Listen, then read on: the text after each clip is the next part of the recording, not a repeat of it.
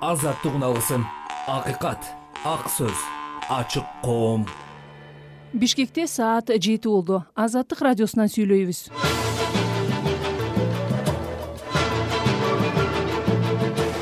Саламатсыздарбы? Атайын кызмат бийликти күчтөп басып алууга аракет кылган деген шек менен кармаган төрт киши бул мекеменин тергөө абагына камакка алынды. Жогорку кеңештин регламентин өзгөртүү боюнча мыйзам долбоору коомдук талкууга коюлду бир уч топтун өз билемдигине салып берген долбоорлор да булчу кыргыз казак чек арасында жүк ташуучу жүздөгөн машина кезекте турат. Алдыдагы программабызда мына ушул жана башка темаларга кененирээк токтолобуз жана украинадагы соңку кырдаалды дагы айтып беребиз. Лише полное звільнення української землі від Росії. украин жеринин орус баскынчыларынан толук бошотулушу гана мындай теракттардын токтошуна кепилдик берет. Уктурууну мен рахат кеңешова алып барам бүгүнкү күнгө шаршемби жетинчи июнь алгач күндүн соңку жаңылыктары сөз элеонора бейшенбек кызында. Рахмат саламатсызбы угарман бишкектин биринчи май райондук соту бийликти күч менен басып алууга аракет көргөн деген айып менен кармалган беш кишинин төртөөнү эки аптага камакка калтырды бирөөнү үй камагына чыгарды. Атайын кызмат алтынчы июнда ондогон адам калайман каршылык акцияларын уюштурууга даярданып жүргөнүн мыйзамсыз аракеттерге бөгөт коюлганын кабарлаган. Бул фактыга байланыштуу беш адам кармалганын билдирген. Негизги уюштуруучусу элдик кеңеш саясий партиясынын жетекчиси роза нурматова экенин айткан. Нурматова эки миң онунчу жылдан кийин садыр жапаровдун тарапташтарынын штабын башкарып ошол учурдагы бийлик оппозиция болгон ушул тапта бийликти басып алууга аракет кылган деген негизде он чакты саясатчы активист абакта отурат.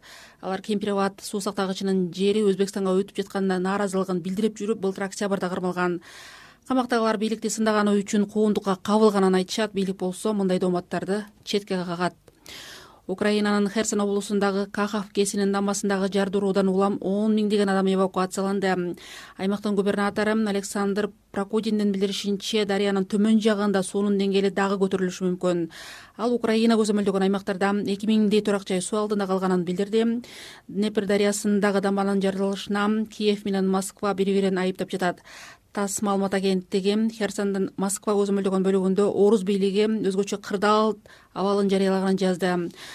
Кахав гэсинин дамбасы алтынчы июнга караган түнү жардырылган украина орусияны экосидке айыптаган. Кремль гэстеги жардырууга тиешеси жок экенин билдирип келет. Дамба жарылганы тууралуу маалыматтардан кийин буудай жана жүгөрүнүн баасы көтөрүлүп бул дүйнөлүк айыл чарба соодасына зыян келтирет деген кооптонууну жаратты бишкек шаардык соту украинадагы согушка катышкан деген шек менен он жылга соттолгон аскар кубанычбек уулуна карата райондук соттун өкүмүн күчүндө калтырды. Соттук жараянда айыпталуучу жалданмачылык беренесинин соттук жараянда айыпталуучу жалданмачылык беренесин чет мамлекеттин аймагындагы куралдуу жаңжалдарга же согуш аракеттерине катышууга өзгөртүүгө суранды. Ал өзүн луганск элдик республикасы деп аталган жикчи эле аймакта аскердик кызматта болгонун элге гуманитардык жардам таратуу иштерине гана катышканын айтты аскар кубанычбек уулу материалдык кызыкчылык үчүн согушка жалданып катышпаганын билдирди. Бишкектин биринчи май райондук соту он алтынчы майда аны он жылга эркинен ажыраткан. Муну менен кыргызстанда биринчи жолу украинадагы согуш каралышкан жаран жазага тартылды. Кыргыз бийлиги өз жарандарына чет мамлекеттин аймагындагы куралдуу кагылышууга катышса кылмыш жоопкерчилигине тартыларын эскертип келет. Катардан эмири шейх тамим бин хамад аль танинин бишкек сапарынын алкагында өз аралыкка катыштуу өнүктүрүүгө багытталган он үч документке кол коюлду. Бул тууралуу президент садыр жапаровдун басма сөз кызматы кабарлады. Ага ылайык документтер аскердик тармакта укуктук чөйрөдө бажы айыл чарба спорт жана маданият өңдүү тармактарда чогуу кызматташууга багытталган. Катардан эмири биринчи жолу мамлекеттик сапар менен кыргызстанга алтынчы июнда келди. Ал президент садыр жапаров менен жолугуп эки тараптуу кызматташууну өнүктүрүү маселелерин талкуулады. Бүгүн биздин өлкөлөрдүн ортосунда ар түрдүү тармактарда эки тараптуу кол коюлуп жатканын кубануу менен белгилеймин. Биз бириккен улуттар уюму ислам кызматташтык уюму жана башка эл аралык уюмдардын алкагында тыгыз кызматташып шайлоо органдарына өз ара колдоо көрсөтүп келүүдөбүз. Эки өлкөнүн дипломатиялык алака катышына быйыл жыйырма беш жыл толду санкт петербург шаарында мигранттардын калайман мушташына байланыштуу эки кыргыз жараны кармалды. Бул тууралуу кыргызстандын орусиядагы элчилиги кабарлады. Ага ылайык лахта борборунун жанындагы мушташка катышкан адамдардын арасында беш кыргыз жараны болгон алардын үчөө тергөө аяктаганга чейин эч кайда чыкпоо шарты менен кое берилгени калган экөө камалганы жазылган. Полиция бул фактыга байланыштуу бейбаштык беренеси менен кылмыш ишин козгоп тергеп жатат мунун алдында соц тармактарда санкт петербургда калайман мушташ тартылган видеолор тараган жана алардын арасында кыргыз жарандары болушу мүмкүндүгү айтылган. Орусияда буга чейин дагы борбор азия өлкөлөрүнөн барган мигранттар мушташкан кыргыз жарандары камалган учурлар болгон иран сауд аравиясындагы элчилигин кайрадан ачты эки мамлекет бир нече ай мурда кытайдын ортомчулугу менен дипломатиялык келишпестикке чекит коюуну макулдашкан. Эки өлкөнүн ортосундагы көп жылдан берки касташуу жакынкы чыгыштагы туруктуулукка коркунуч туудуруп келген жети жылдан бери жабык турган элчиликтин аймагында өткөн салтанатта ондогон дипломаттар жана бийлик өкүлдөрү катышты. Эки миң он алтынчы жылы эр риядта ши динаятчы өлүм жазасына тартылгандан кийин сауд аравиянын тегерандагы элчилигине чабуул коюлган. Падышалык мындан кийин иран менен байланыштарын үзүп тегерандан дипломаттарын чыгарууну талап кылган. Ортодогу мамилелер ага чейин сауд аравия менен бириккен араб эмираттары йемендеги согушка аралаша баштаганда начарлаган ал жакта иран менен байланыштагы хуси кыймылы эр рияд колдогон өкмөттү төңкөрүп борбор шаарды алган казакстандын астана шаарында бир нече көп кабаттуу үйлөрдүн тургундары таза суунун жоктугуна байланыштуу жол тосту алар сегиз күндөн бери таза суу жок экенин айтып суу бергиле деп кыйкырып турушту. Тургундардын айтымында таза суу бир аптадан бери түнкү экиден бешке чейин гана берилет. Алар абанын табы отуз жети градуска чейин жетип жаткан маалда кыйналышканын керек болсо ажатканага бара албай калышканын кошумчалашты. Ошондой эле сатыктагы суу дагы тез түгөнүп жатканына нааразы болушту астананын акими женис касымбек суу таңкыстыгына байланыштуу маселелерди жакынкы арада чечилет деп убада кылды буга чейин астанада дагы ушундай эле маселеге байланыштуу башка конуштардын дагы тургундары жолторошкон ушул күндөрү бишкек менен анын жака белиндеги конуштардагы суу тартыштыгынан улам чектөөлөр киргизилди. Рахмат сизге. Элеонора бейшенбек кызы айтып берди. Соңку жаңылыктарды азыр эми аба ырайы тууралуу маалымат сегизинчи июнда ысык көл нарын облустарынын айрым жерлеринде өткүн өтүп бийик тоолуу райондордо кар жаайт абанын температурасы чүйдө түнкүсүн он жети жыйырма эки күндүз отуз беш кырк таласта түнкүсүн он алты жыйырма бир күндүз отуз үч отуз сегиз баткен жалал абад ош облустарында түнкүсүн он алты жыйырма бир күндүз отуз беш кырк градус. Ысык көлдө түнкүсүн он бир он алты күндүз жыйырма беш отуз нарында түнкүсүн алты он бир күндүз жыйырма эки жыйырма жети градус болот. Бийик тоолуу райондордо түнкүсүн минус үч плюс эки ал эми күндүз плюс тогуз он төрт. Бишкекте жаан чачын болбойт абанын температурасы түнкүсүн жыйырма жыйырма эки ал эми күндүз отуз жети отуз тогуз градус болот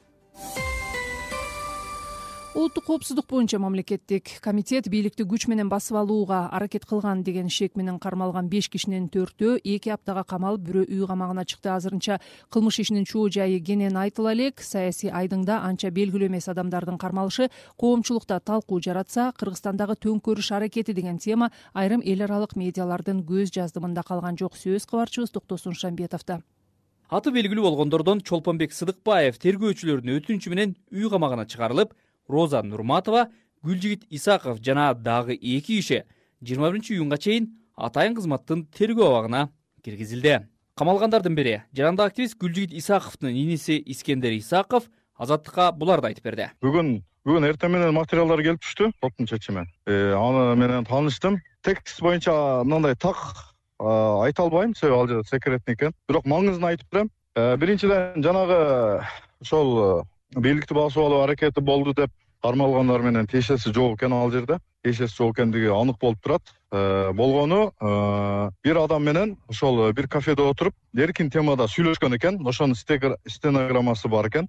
Ошол э, эркин темада сүйлөшүп отурганды стенограмма кылып жазып келип туруп эле аягында бийликти басып алуу аракеттери бар деп корутунду чыгарып коюшту. Лингвистикалык экспертиза тарабынанчы документте айдан ачык эле жалган жабуу аракеттери байкалып турат да. Жарандык активист гүлжигит исаков фейсбуктагы баракчасында президент садыр жапаровдун бийлигин баймай сындап келген. Ал кыргыз өзбек чек ара келишими салык саясаты коррупция менен күрөшүү сыяктуу темаларда пост жазып сын пикирин билдирип турчу. Эки аптага камакка алынгандардан аты белгилүү болгондордун дагы бири элдик кеңеш партиясынын жетекчиси роза нурматованын жактоочулары же жакындары атайын кызматтын айыптоосу боюнча комментарий бере элек улуттук коопсуздук комитети төңкөрүшкө аракет кылгандардын башында нурматова турат деп айыптап жатат. Кыргызстанда бийликти басып алуу аракетине бөгөт коюлду деген кабар кыргыз коомунда гана эмес эл аралык медиага дагы желдей тарады. Бешинчи июнда жалпыга маалымдоо каражаттары аркылуу күч органдарындагы булактардан тараган кабар алтынчы июнда расмий тастыкталды.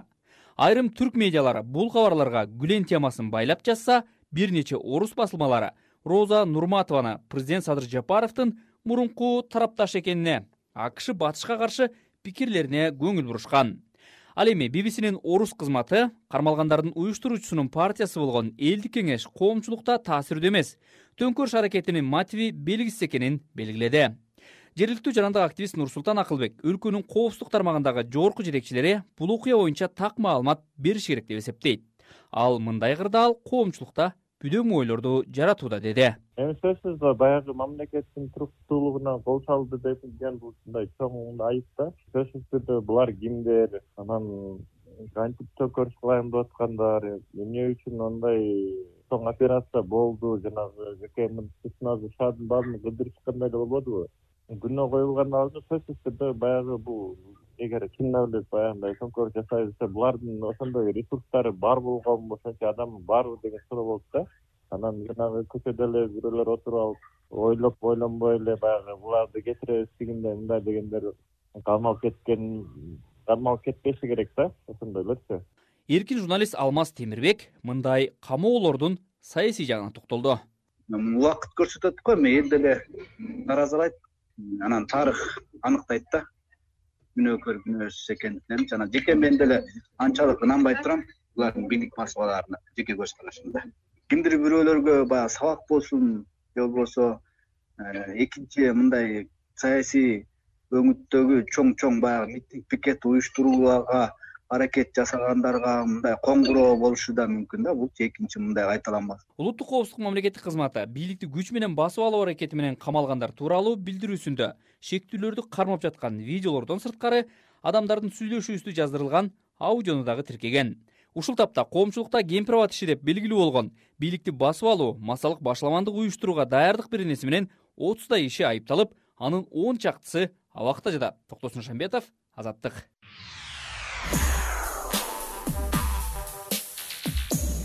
ал арада жогорку кеңештин регламентин өзгөртүү боюнча мыйзам долбоору коомдук талкууга коюлду. Документте парламент жыйындарын жабык өткөрө алары депутаттардын берген добушунун жыйынтыгын төраганын уруксааты менен гана жарыялоо сайтта маалымат жайгаштырууга чейинки талап тартип жазылган. Талдоочулар мындай чектөөлөр ансыз дагы укуктары бир топ азайган жогорку кеңешти жабык органга айлантат деп эскертип жатышат. Долбоор тууралуу кабарчыбыз бакыт төрөгелди сөз кылат парламенттин депутаттары марлен маматалиев менен нурланбек азыгалиев жазып чыккан жогорку кеңештин регламенти жөнүндө мыйзамга өзгөртүү киргизүү боюнча документ экинчи июнда коомдук талкууга чыкты. Мыйзам долбоорунда жогорку кеңештин комитеттеринде бештен кем эмес депутат болушу керек экени жазылган. Ушул тапта комитет мүчөлөрүнүн саны жок эле дегенде сегизден аз болбошу зарыл. Коомдук талкууну жана кийинки калтырууну талап кылбаган документтерди жана мыйзам долбоорлоруна тиешеси жок маселелерди кароодо комитет депутаттардан сурамжылап эле чечим кабыл алып койсо болору белгиленген. Андан тышкары жогорку кеңеш күн тартибиндеги маселени жабык режимде кароо жөнүндө чечим кабыл алууга укуктуу деп жазылган. Бул талап коомчулукта парламенттин бир топ чечимдерин жашыруун кароого жол ачат деп сынга кабылды мыйзам долбоорунун авторлорунун бири депутат марлен маматалиев азаттыкка комментарий берди. Э, бир мыйзамдарды бекитип калып же болбосо э, чыгарбай коюп же добуштарды чыгарбай коюп деген андайга жол бербейбиз. Баягы секретный болгон учурда гана ушундай нерселер эске алынып калат да. Азыр жогорку кеңеш жүйөлүү негиздер болгон өзгөчө учурларда гана депутаттардын макулдугу менен жыйынын жабык өткөрө алат. Ошондой эле мыйзамда аныкталган мамлекеттик аскердик жана башка сырдын маселелери боюнча жыйналыштарды кошпогондо жогорку кеңештин жыйналыштары ачык болуп саналат деп белгиленген. Буга чейин парламентте чек ара маселеси талкууланган айрым жыйындар жабык өткөн учурлар болгон. Мыйзам долбоорундагы дагы бир кооптонууга негиз болгон берене депутаттардын ачык добуш берүүсүнүн жыйынтыктары жыйынга төрагалык кылуучунун уруксаты менен гана жогорку кеңештин сайтына жарыяланат деп талап кылынат. Жогорку кеңештин азыркы регламенти боюнча депутаттардын берген добушу парламенттин жыйналышындагы башка маалыматтар жогорку сайтына жайгаштырылууга тийиш парламенттин мурдагы депутаты абдыахат нурбаев мындай демилгелер парламентарийлердин ишин аксатып элден алыстатат деген пикирде. Бул өтө кооптуу анткени эл э, тараза деп эл баардыгын түз эфирде жогорку кеңешти көрүп анан маалымат алып э, ар бирине баа берип турат да. Анан бул жерде ошол кээ бир депутаттар ошо бийликтин көзүн карап элге каршы чечим чыгарып атканда эл билбей калсын деген э, ниети көрүнүп турат да. Долбоорго ылайык жыйында жок депутаттардын тизмеси жарыялангандан кийин алардын компьютерлери өчүрүлөт. Депутат суроо талап менен кайрылгандан кийин мамлекеттик мекеме же кызмат адамы он төрт жумушчу күндүн ичинде жазуу жүзүндө жооп берүүгө милдеттүү болот. Буга чейин бул убакыт бир ай деп белгиленген. Сунушталган өзгөртүүлөр боюнча парламенттин төрагасы жогорку кеңештин сайтына да кийлигишет. Документте жазылгандай аппараттын тиешелүү түзүмдүк бөлүмүнүн кызматкерлери төрага бекиткен жобого ылайык маалыматтык материалдарды сайттын бөлүмдөрүнө жайгаштырат. Жогорку кеңештин азыркы регламенти боюнча сайтка маалымат коюуда төраганын тиешеси жок. Ишти парламенттин басым сөз кызматы өз алдынча кылат жогорку кеңештин дагы бир мурдагы депутаты алык карашев долбоор тууралуу пикири менен бөлүштү жогорку кеңеш деген бул элдин өкүлдөрү эл ишенип шайлаган элдин үнүн жеткизе турган атайын орган да түздөн түз милдеттердин бири. Ошондуктан жогорку кеңештин иш алып баруусу максималдуу түрдө канчалык мүмкүнчүлүк болсо максималдуу түрдө ачык айкын болгону дурус го дейм да. Жогорку кеңештин алтынчы чакырылышына нотариалдык орган болуп калды. Мыйзам долбоорлорун талкуулабай топтоо менен кабыл алууда деген сын дооматтар байма бай айтылып турган. Бул чакырылышка да ушундай эле сындар айтылууда парламенттин акыркы убактардагы демилгелери мыйзам долбоорлоручу коомчулукта чочулоо жараткан э, көрүнүштү пайда кылды да мындай сөз эркиндигин чектөөсү бир тең. Анан парламент бул бийлик менен элдин ортосунда бирден бир миссияны аткара турган эл өкүлдүк милдетти дагы бир уч топ өз билемдигине салып берген долбоорлор да булчу анан бул парламентке жарашпай турган парламенттин табиятына деги эле мындай сыйбай турган акылга сыйбай турган демилге да. Деди публицист олжобай шакир жетинчи чакырылыштын депутаттары эки миң жыйырма биринчи жылы жыйырма тогузунчу декабрдан бери ишке киришкен. Жаңы конституцияга ылайык парламентке бир мандаттуу отуз алты округтан отуз алты депутат партиялык тизме менен элүү төрт эл өкүлү шайланган бакыт төрөгелди азаттык бишкек эфирибизди улантабыз. Азыр соңку окуялардын айрымдарын кыскача айта кетели бийликти күч менен басып алууга аракет көргөн деген шек менен кармалган беш кишинин төртөө эки аптага камакта калтырылды. Украинанын херсон облусундагы кахов гэснен дамбасындагы жардыруудан улам он миңдеген адам эвакуацияланды. Бишкек шаардык соту украинадагы согушка катышкан деген шек менен он жылга соттолгон аскар кубанычбек уулуна карата райондук соттун өкүмүн күчүндө калтырды. Катардын эмири шейх тамин бин хамад аль танинин бишкек сапарынан алкагында өз ара алакка катыштуу өнүктүрүүгө багытталган он үч документке кол коюлду. Санкт петербург шаарындагы мигранттардын калайман мушташына байланыштуу эки кыргыз жараны камалды украинанын расмийлери херсон облусундагы кахов гэснен дамбасындагы жардыруудан улам жогоруда айтылгандай он миңдеген адам коопсуз аймактарга көчүрүлгөнүн кабарлашты. Оккупацияланган аймактын жетекчилиги бери дегенде жети адам дайынсыз жоголгонун маалымдады. Новокахов шаарындагы зоопарктагы жүздөгөн жаныбар сууга чөктү. Днепр дарыясындагы дамбанын жардырылышына киев менен москва бирин бирин айыптоодо. Украинанын маринка шаарында болсо салгылашуу жүрүп жатат. Толугураак санжар эралиев кабарлайт херсондун корабельный районунун тургундары суу каптаган көчөлөрдү аралап үйлөрүнөн алыстап баратышат.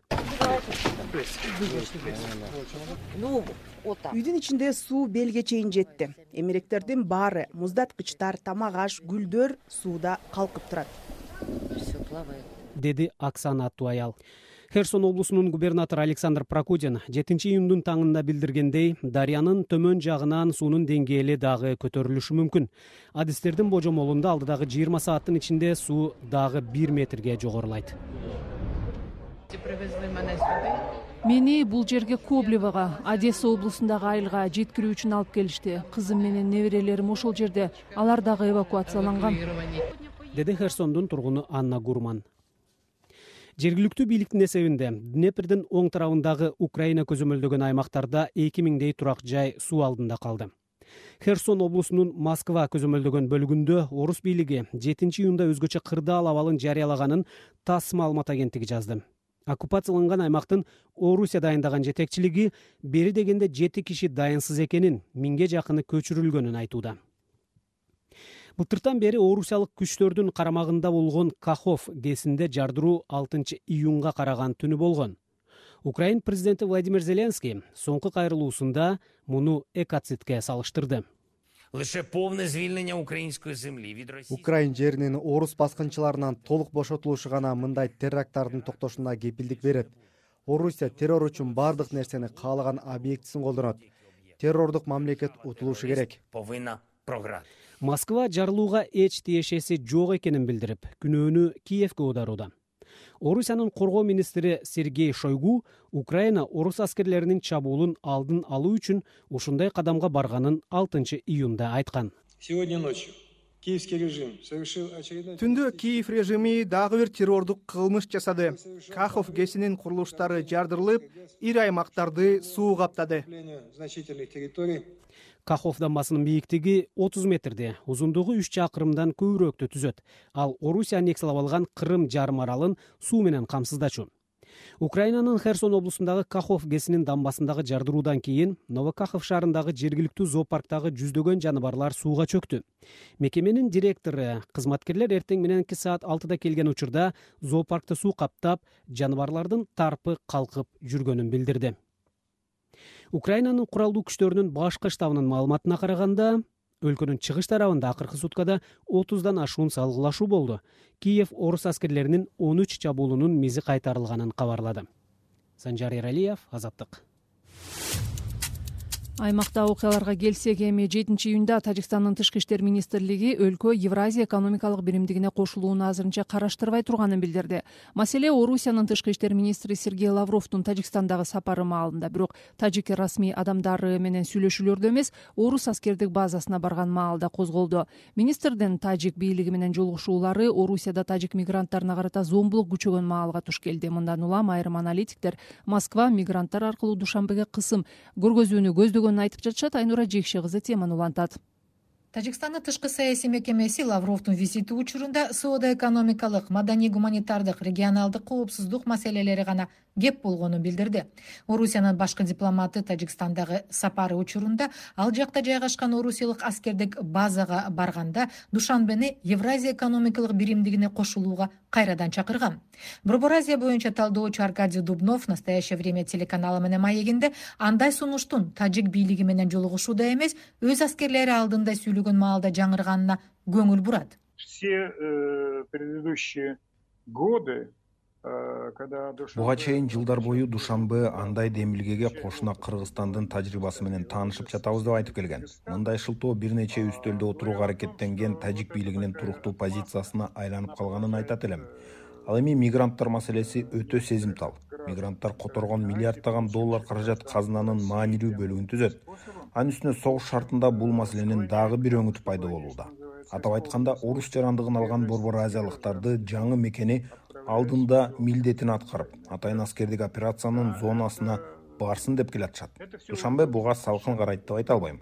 Кыскасы кырдаал өзгөрдү. Еаэске киргиле деген чакырык дароо тажик бийлигинин оң реакциясын жаратат деп ойлобойм мигранттар маселеси тажикстанга басым көрсөтүүнүн инструментине айлангандай. Инструмент давления может быть оказан на э, таджикистан аскердик базага барганда орусиялык министр борбор азия батыш менен орусиянын тирешиндеги кезектеги майданга айланып калды деген ою менен да бөлүштү. Аймак боюнча дагы бир эксперт брюс паньер тажикстанды биримдикке кошулууга көндүрүү аракетинен тышкары лавровдун сапары бир нече максатты көздөгөн деп эсептейт учурда орусия союздаштарга муктаж. Украинага каршы согуштан улам москвага нааразылык күчөдү. Эл аралык колдоодон досторунан айрылып жатат. Мындан тышкары тажикстанды евразия экономикалык биримдигине тартуу аракетин улантууда. Москваны дүйшөмбүнүн саясатында түшөлткөн бир маселе бардай. Тигил же бул жүйөдөн улам тажикстан батышка ыктап жаткандай. Эки айдан мурун акш менен аскердик машыгууга катышкан. Муну менен катар кытай менен да жакындашуусу байкалууда балким лавровдун визити ортодогу маселелерди талкуулоону көздөгөн. Орусия тажикстан менен өнөктөш болууну каалайт жана ага муктаж экени айдан ачык. Москва чет мамлекеттердин башчылары катышкан иш чараларды уюштуруу менен жалгыз эмес оочуда калган жок деп көргөзүүнү максат кылат. Heads of foreign states are there uh, attending to and that russia is not isolated and left alone думдов лавров тажикстанды кызыктыра турган экономикалык конкреттүү сунуштарды алып келбегенине көңүл буруп душанбенин биримдикке кошулууга шашпай жатканын мындайча түшүндүрдү. Ну э, я думаю я повторяю что э, менимче биримдикке мүчө болуу менен уюм алдында алган милдеттенмелер тажикстанга башка өлкөлөр биринчи кезекте кытай менен эксклюзивдүү алака катнаш түзүүгө жолтоо болот деген чоочулоо бар бул анык эле маселе болуш керек. В общем это достаточно ясная история. Кызыгы ушул эле күндөрү тажикстанда орус ички иштер министри владимир колокольцев да жүрдү. Маалымат каражаттары анын сапары тууралуу алдын ала жарыяланбаганын белгилешет эки визиттин дал келүүсү лавров да ички мекеменин башчысынын да келгени орусия мигранттарга жасалган мамиленин уруп сабоолорунун терс кесепетин азайтууну көздөйт. Тагыраагы кырдаалды жумшартуу аракетин көрүүдө деген ойго жетелейт.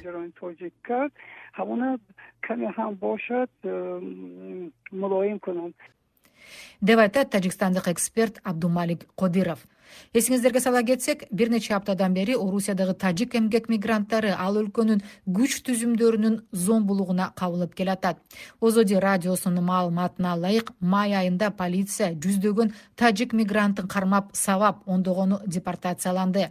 Лавров менен жолугушууда тажик тышкы иштер министри сираджиддин мухриддин мигранттар маселесин козгоп алардын негизги эркиндиктерин жана укуктарын сактоого чакырды жылына тажикстандык миңдеген мигрант орусияга акча табууга жөнөйт. Айрымдары орус жарандыгын алган. Айнура жекше кызы прага эфирибизди улантабыз. Кыргыз казак чек арасында кайрадан жүк ташуучу машиналардын узун кезеги пайда болду. Кыргызстандын чек ара кызматы буга айыл чарба продукциясынын экспорту көбөйгөнү себеп болгонун айтууда бирок экономисттер бажы биримдиги мындай учурда бизге анда керекпи деген суроону коюп жатышат. Кесиптешим кундуз кызылжарова өткөрмө бекеттерине барып абалды жеринен көрүп келди кыргыз казак чек арасындагы акча элек жана кең булуң өткөрмө бекетинде оор жүк ташуучу унаалардын узун кезеги жаралганын айдоочулар айтып нааразы болууда. Күндүн ысык аптабында алар бул жерде эки а түгүл үч суткадан бери турууга аргасыз болгонун айтып жатышат. Ал арада кыргыз тараптын бажы кызматы жана чек ара кызматы буга кыргыз тараптын эч тиешеси жок экенин өткөрүү мыйзам чегинде жүргүзүлүп жатканын билдирүүдө. Двое суток уже здесь ушу картошка менен жылбай турганыма эки сутка болду. Түндө башаламандык күч алат. Унааларды каалагандар кезексиз өткөрүп атышат. Бул быйылкы картошканы оренбургка жеткиришим керек. Болду иштебейм деп чечип атам. Мындай азап мээнетиңди актабайт. Потому что так дело не пойдет куда деп айтты казакстандык айдоочу евгений. Жыл башындагы үч ай аралыгында кыргызстан коңшу өлкөгө отуз жети миллиард сомго товар экспорттогон анын сегиз миллиард сомго жакыны айыл чарба продукциясы болуп саналат. Кыргызстанда өндүрүлгөн дээрлик баардык товар казакстан аркылуу чыгарылат. Акча элек бекетинде төрт суткадан бери грузин айдоочусу кахабир чантурия алты жарым тонна кыргыз балын чыгара албай азап чеккенин айтууда жалко ребят заканчивается вода заканчивается еда. Айдоочуларга убал болду. суубуз тамак ашыбыз түгөнүп баратат кыргыздар улам келип ысык тамак таратып кетип атканына ыраазы. канттан жүктөгөн балды америкага деп алып баратам казакстанга кирсем андан азербайжанга каспий көлү аркылуу жетип андан грузияга жеткирем да анан ал жактан америкага алып кетишет. Переправка на америку. Кең булуңда да абал ушундай. Айдоочулар жол кыймылынын коопсуздугун көзөмөлдөөчүлөрдүн көмөгүнө муктаж экенин айтууда. Маселен мында да түн ичи унааларды кезексиз өткөрүү күчөйт экен. Ал арада кыргызстандын чек ара кызматы бул убактылуу көрүнүш жылда болуп турарын белгилеп маселе казак тарапта экенин айтууда бул тууралуу аталган кызматтын басма сөз катчысы гүлмира бөрүбаева айтты. Кыргызстандын экономика министри данияр амангелдиев бекеттердеги узун кезек маселеси чечилип атканын азаттыкка билдирди. Ал тез бузулуп кетүүчү сүт азыктарын мөмө жемиштерди кезексиз өткөрүү тууралуу эки тараптуу келишим азыр ишке ашып атканын айтты эки үч күн мурун саатына эгерде беш алты машина өтүп атса азыр он сегиз машинеге чейин чыкты да. Буюрса чечилет жакшы эле. Зеленый коридорду эметип беришти. Мисалы үчүн биздин гаи кызматкерлери да бар аякта навигационный пломбаларды киргизүү тууралуу келишим берди евразия экономикалык биримдиги эки миң онунчу жылы беларусь казакстан жана орусиянын бажы биримдиги катары түзүлгөн. Эки миң он бешинчи жылы ага кыргызстан менен армения кошулган. Анда башкы артыкчылык бул өлкөлөр арасында бажы жана чек арада тоскоолдуктар болбой турганы айтылган. Бирок биримдик түпкү кызматын аткарбай калганын айрым адистер сындап келет. Алардын арасында саясат талдоочу руслан акматбек да бар бажы биримдиги ушуну түзгөн демилгелеген орусиянын эле кызыкчылыгын көздөйт. Бажы биримдигинин ичинде деле кызматташса мамиле курса болот. Бирок биздин мамлекеттик кызматтын өкүлдөрү кыргыздын кызыкчылыгын коргобойт да. Мисалы колбасада көрдүңөр го. Жаратпай салып унчуккан деле жок го эчтеке. Өлкөнүн кызыкчылыгын коргоо компетенциясы биздин бийлик органдарында тилек алыш жок да кыргыз казак чек арасынан жүк өткөрүүдө ар кандай көйгөйлөр тынымсыз болуп келет. Оор жүк ташуучу машинелер күндөп түндөп кезек күткөн учурлар да катталып турат. Буга байланыштуу кыргыз өкмөтү бир нече жолу казак тарап менен сүйлөшүү жүргүзгөн. Кундуз кызылжарова азаттык бишкек. Мына ушул макала менен кадырман угармандар азаттык радиосунун жетинчи июнь шаршемби күнкү кечки эфиринин алгачкы жарым сааттык бөлүгүн жыйынтыктайбыз. Уктурууну мен рахат кеңешов алып бардым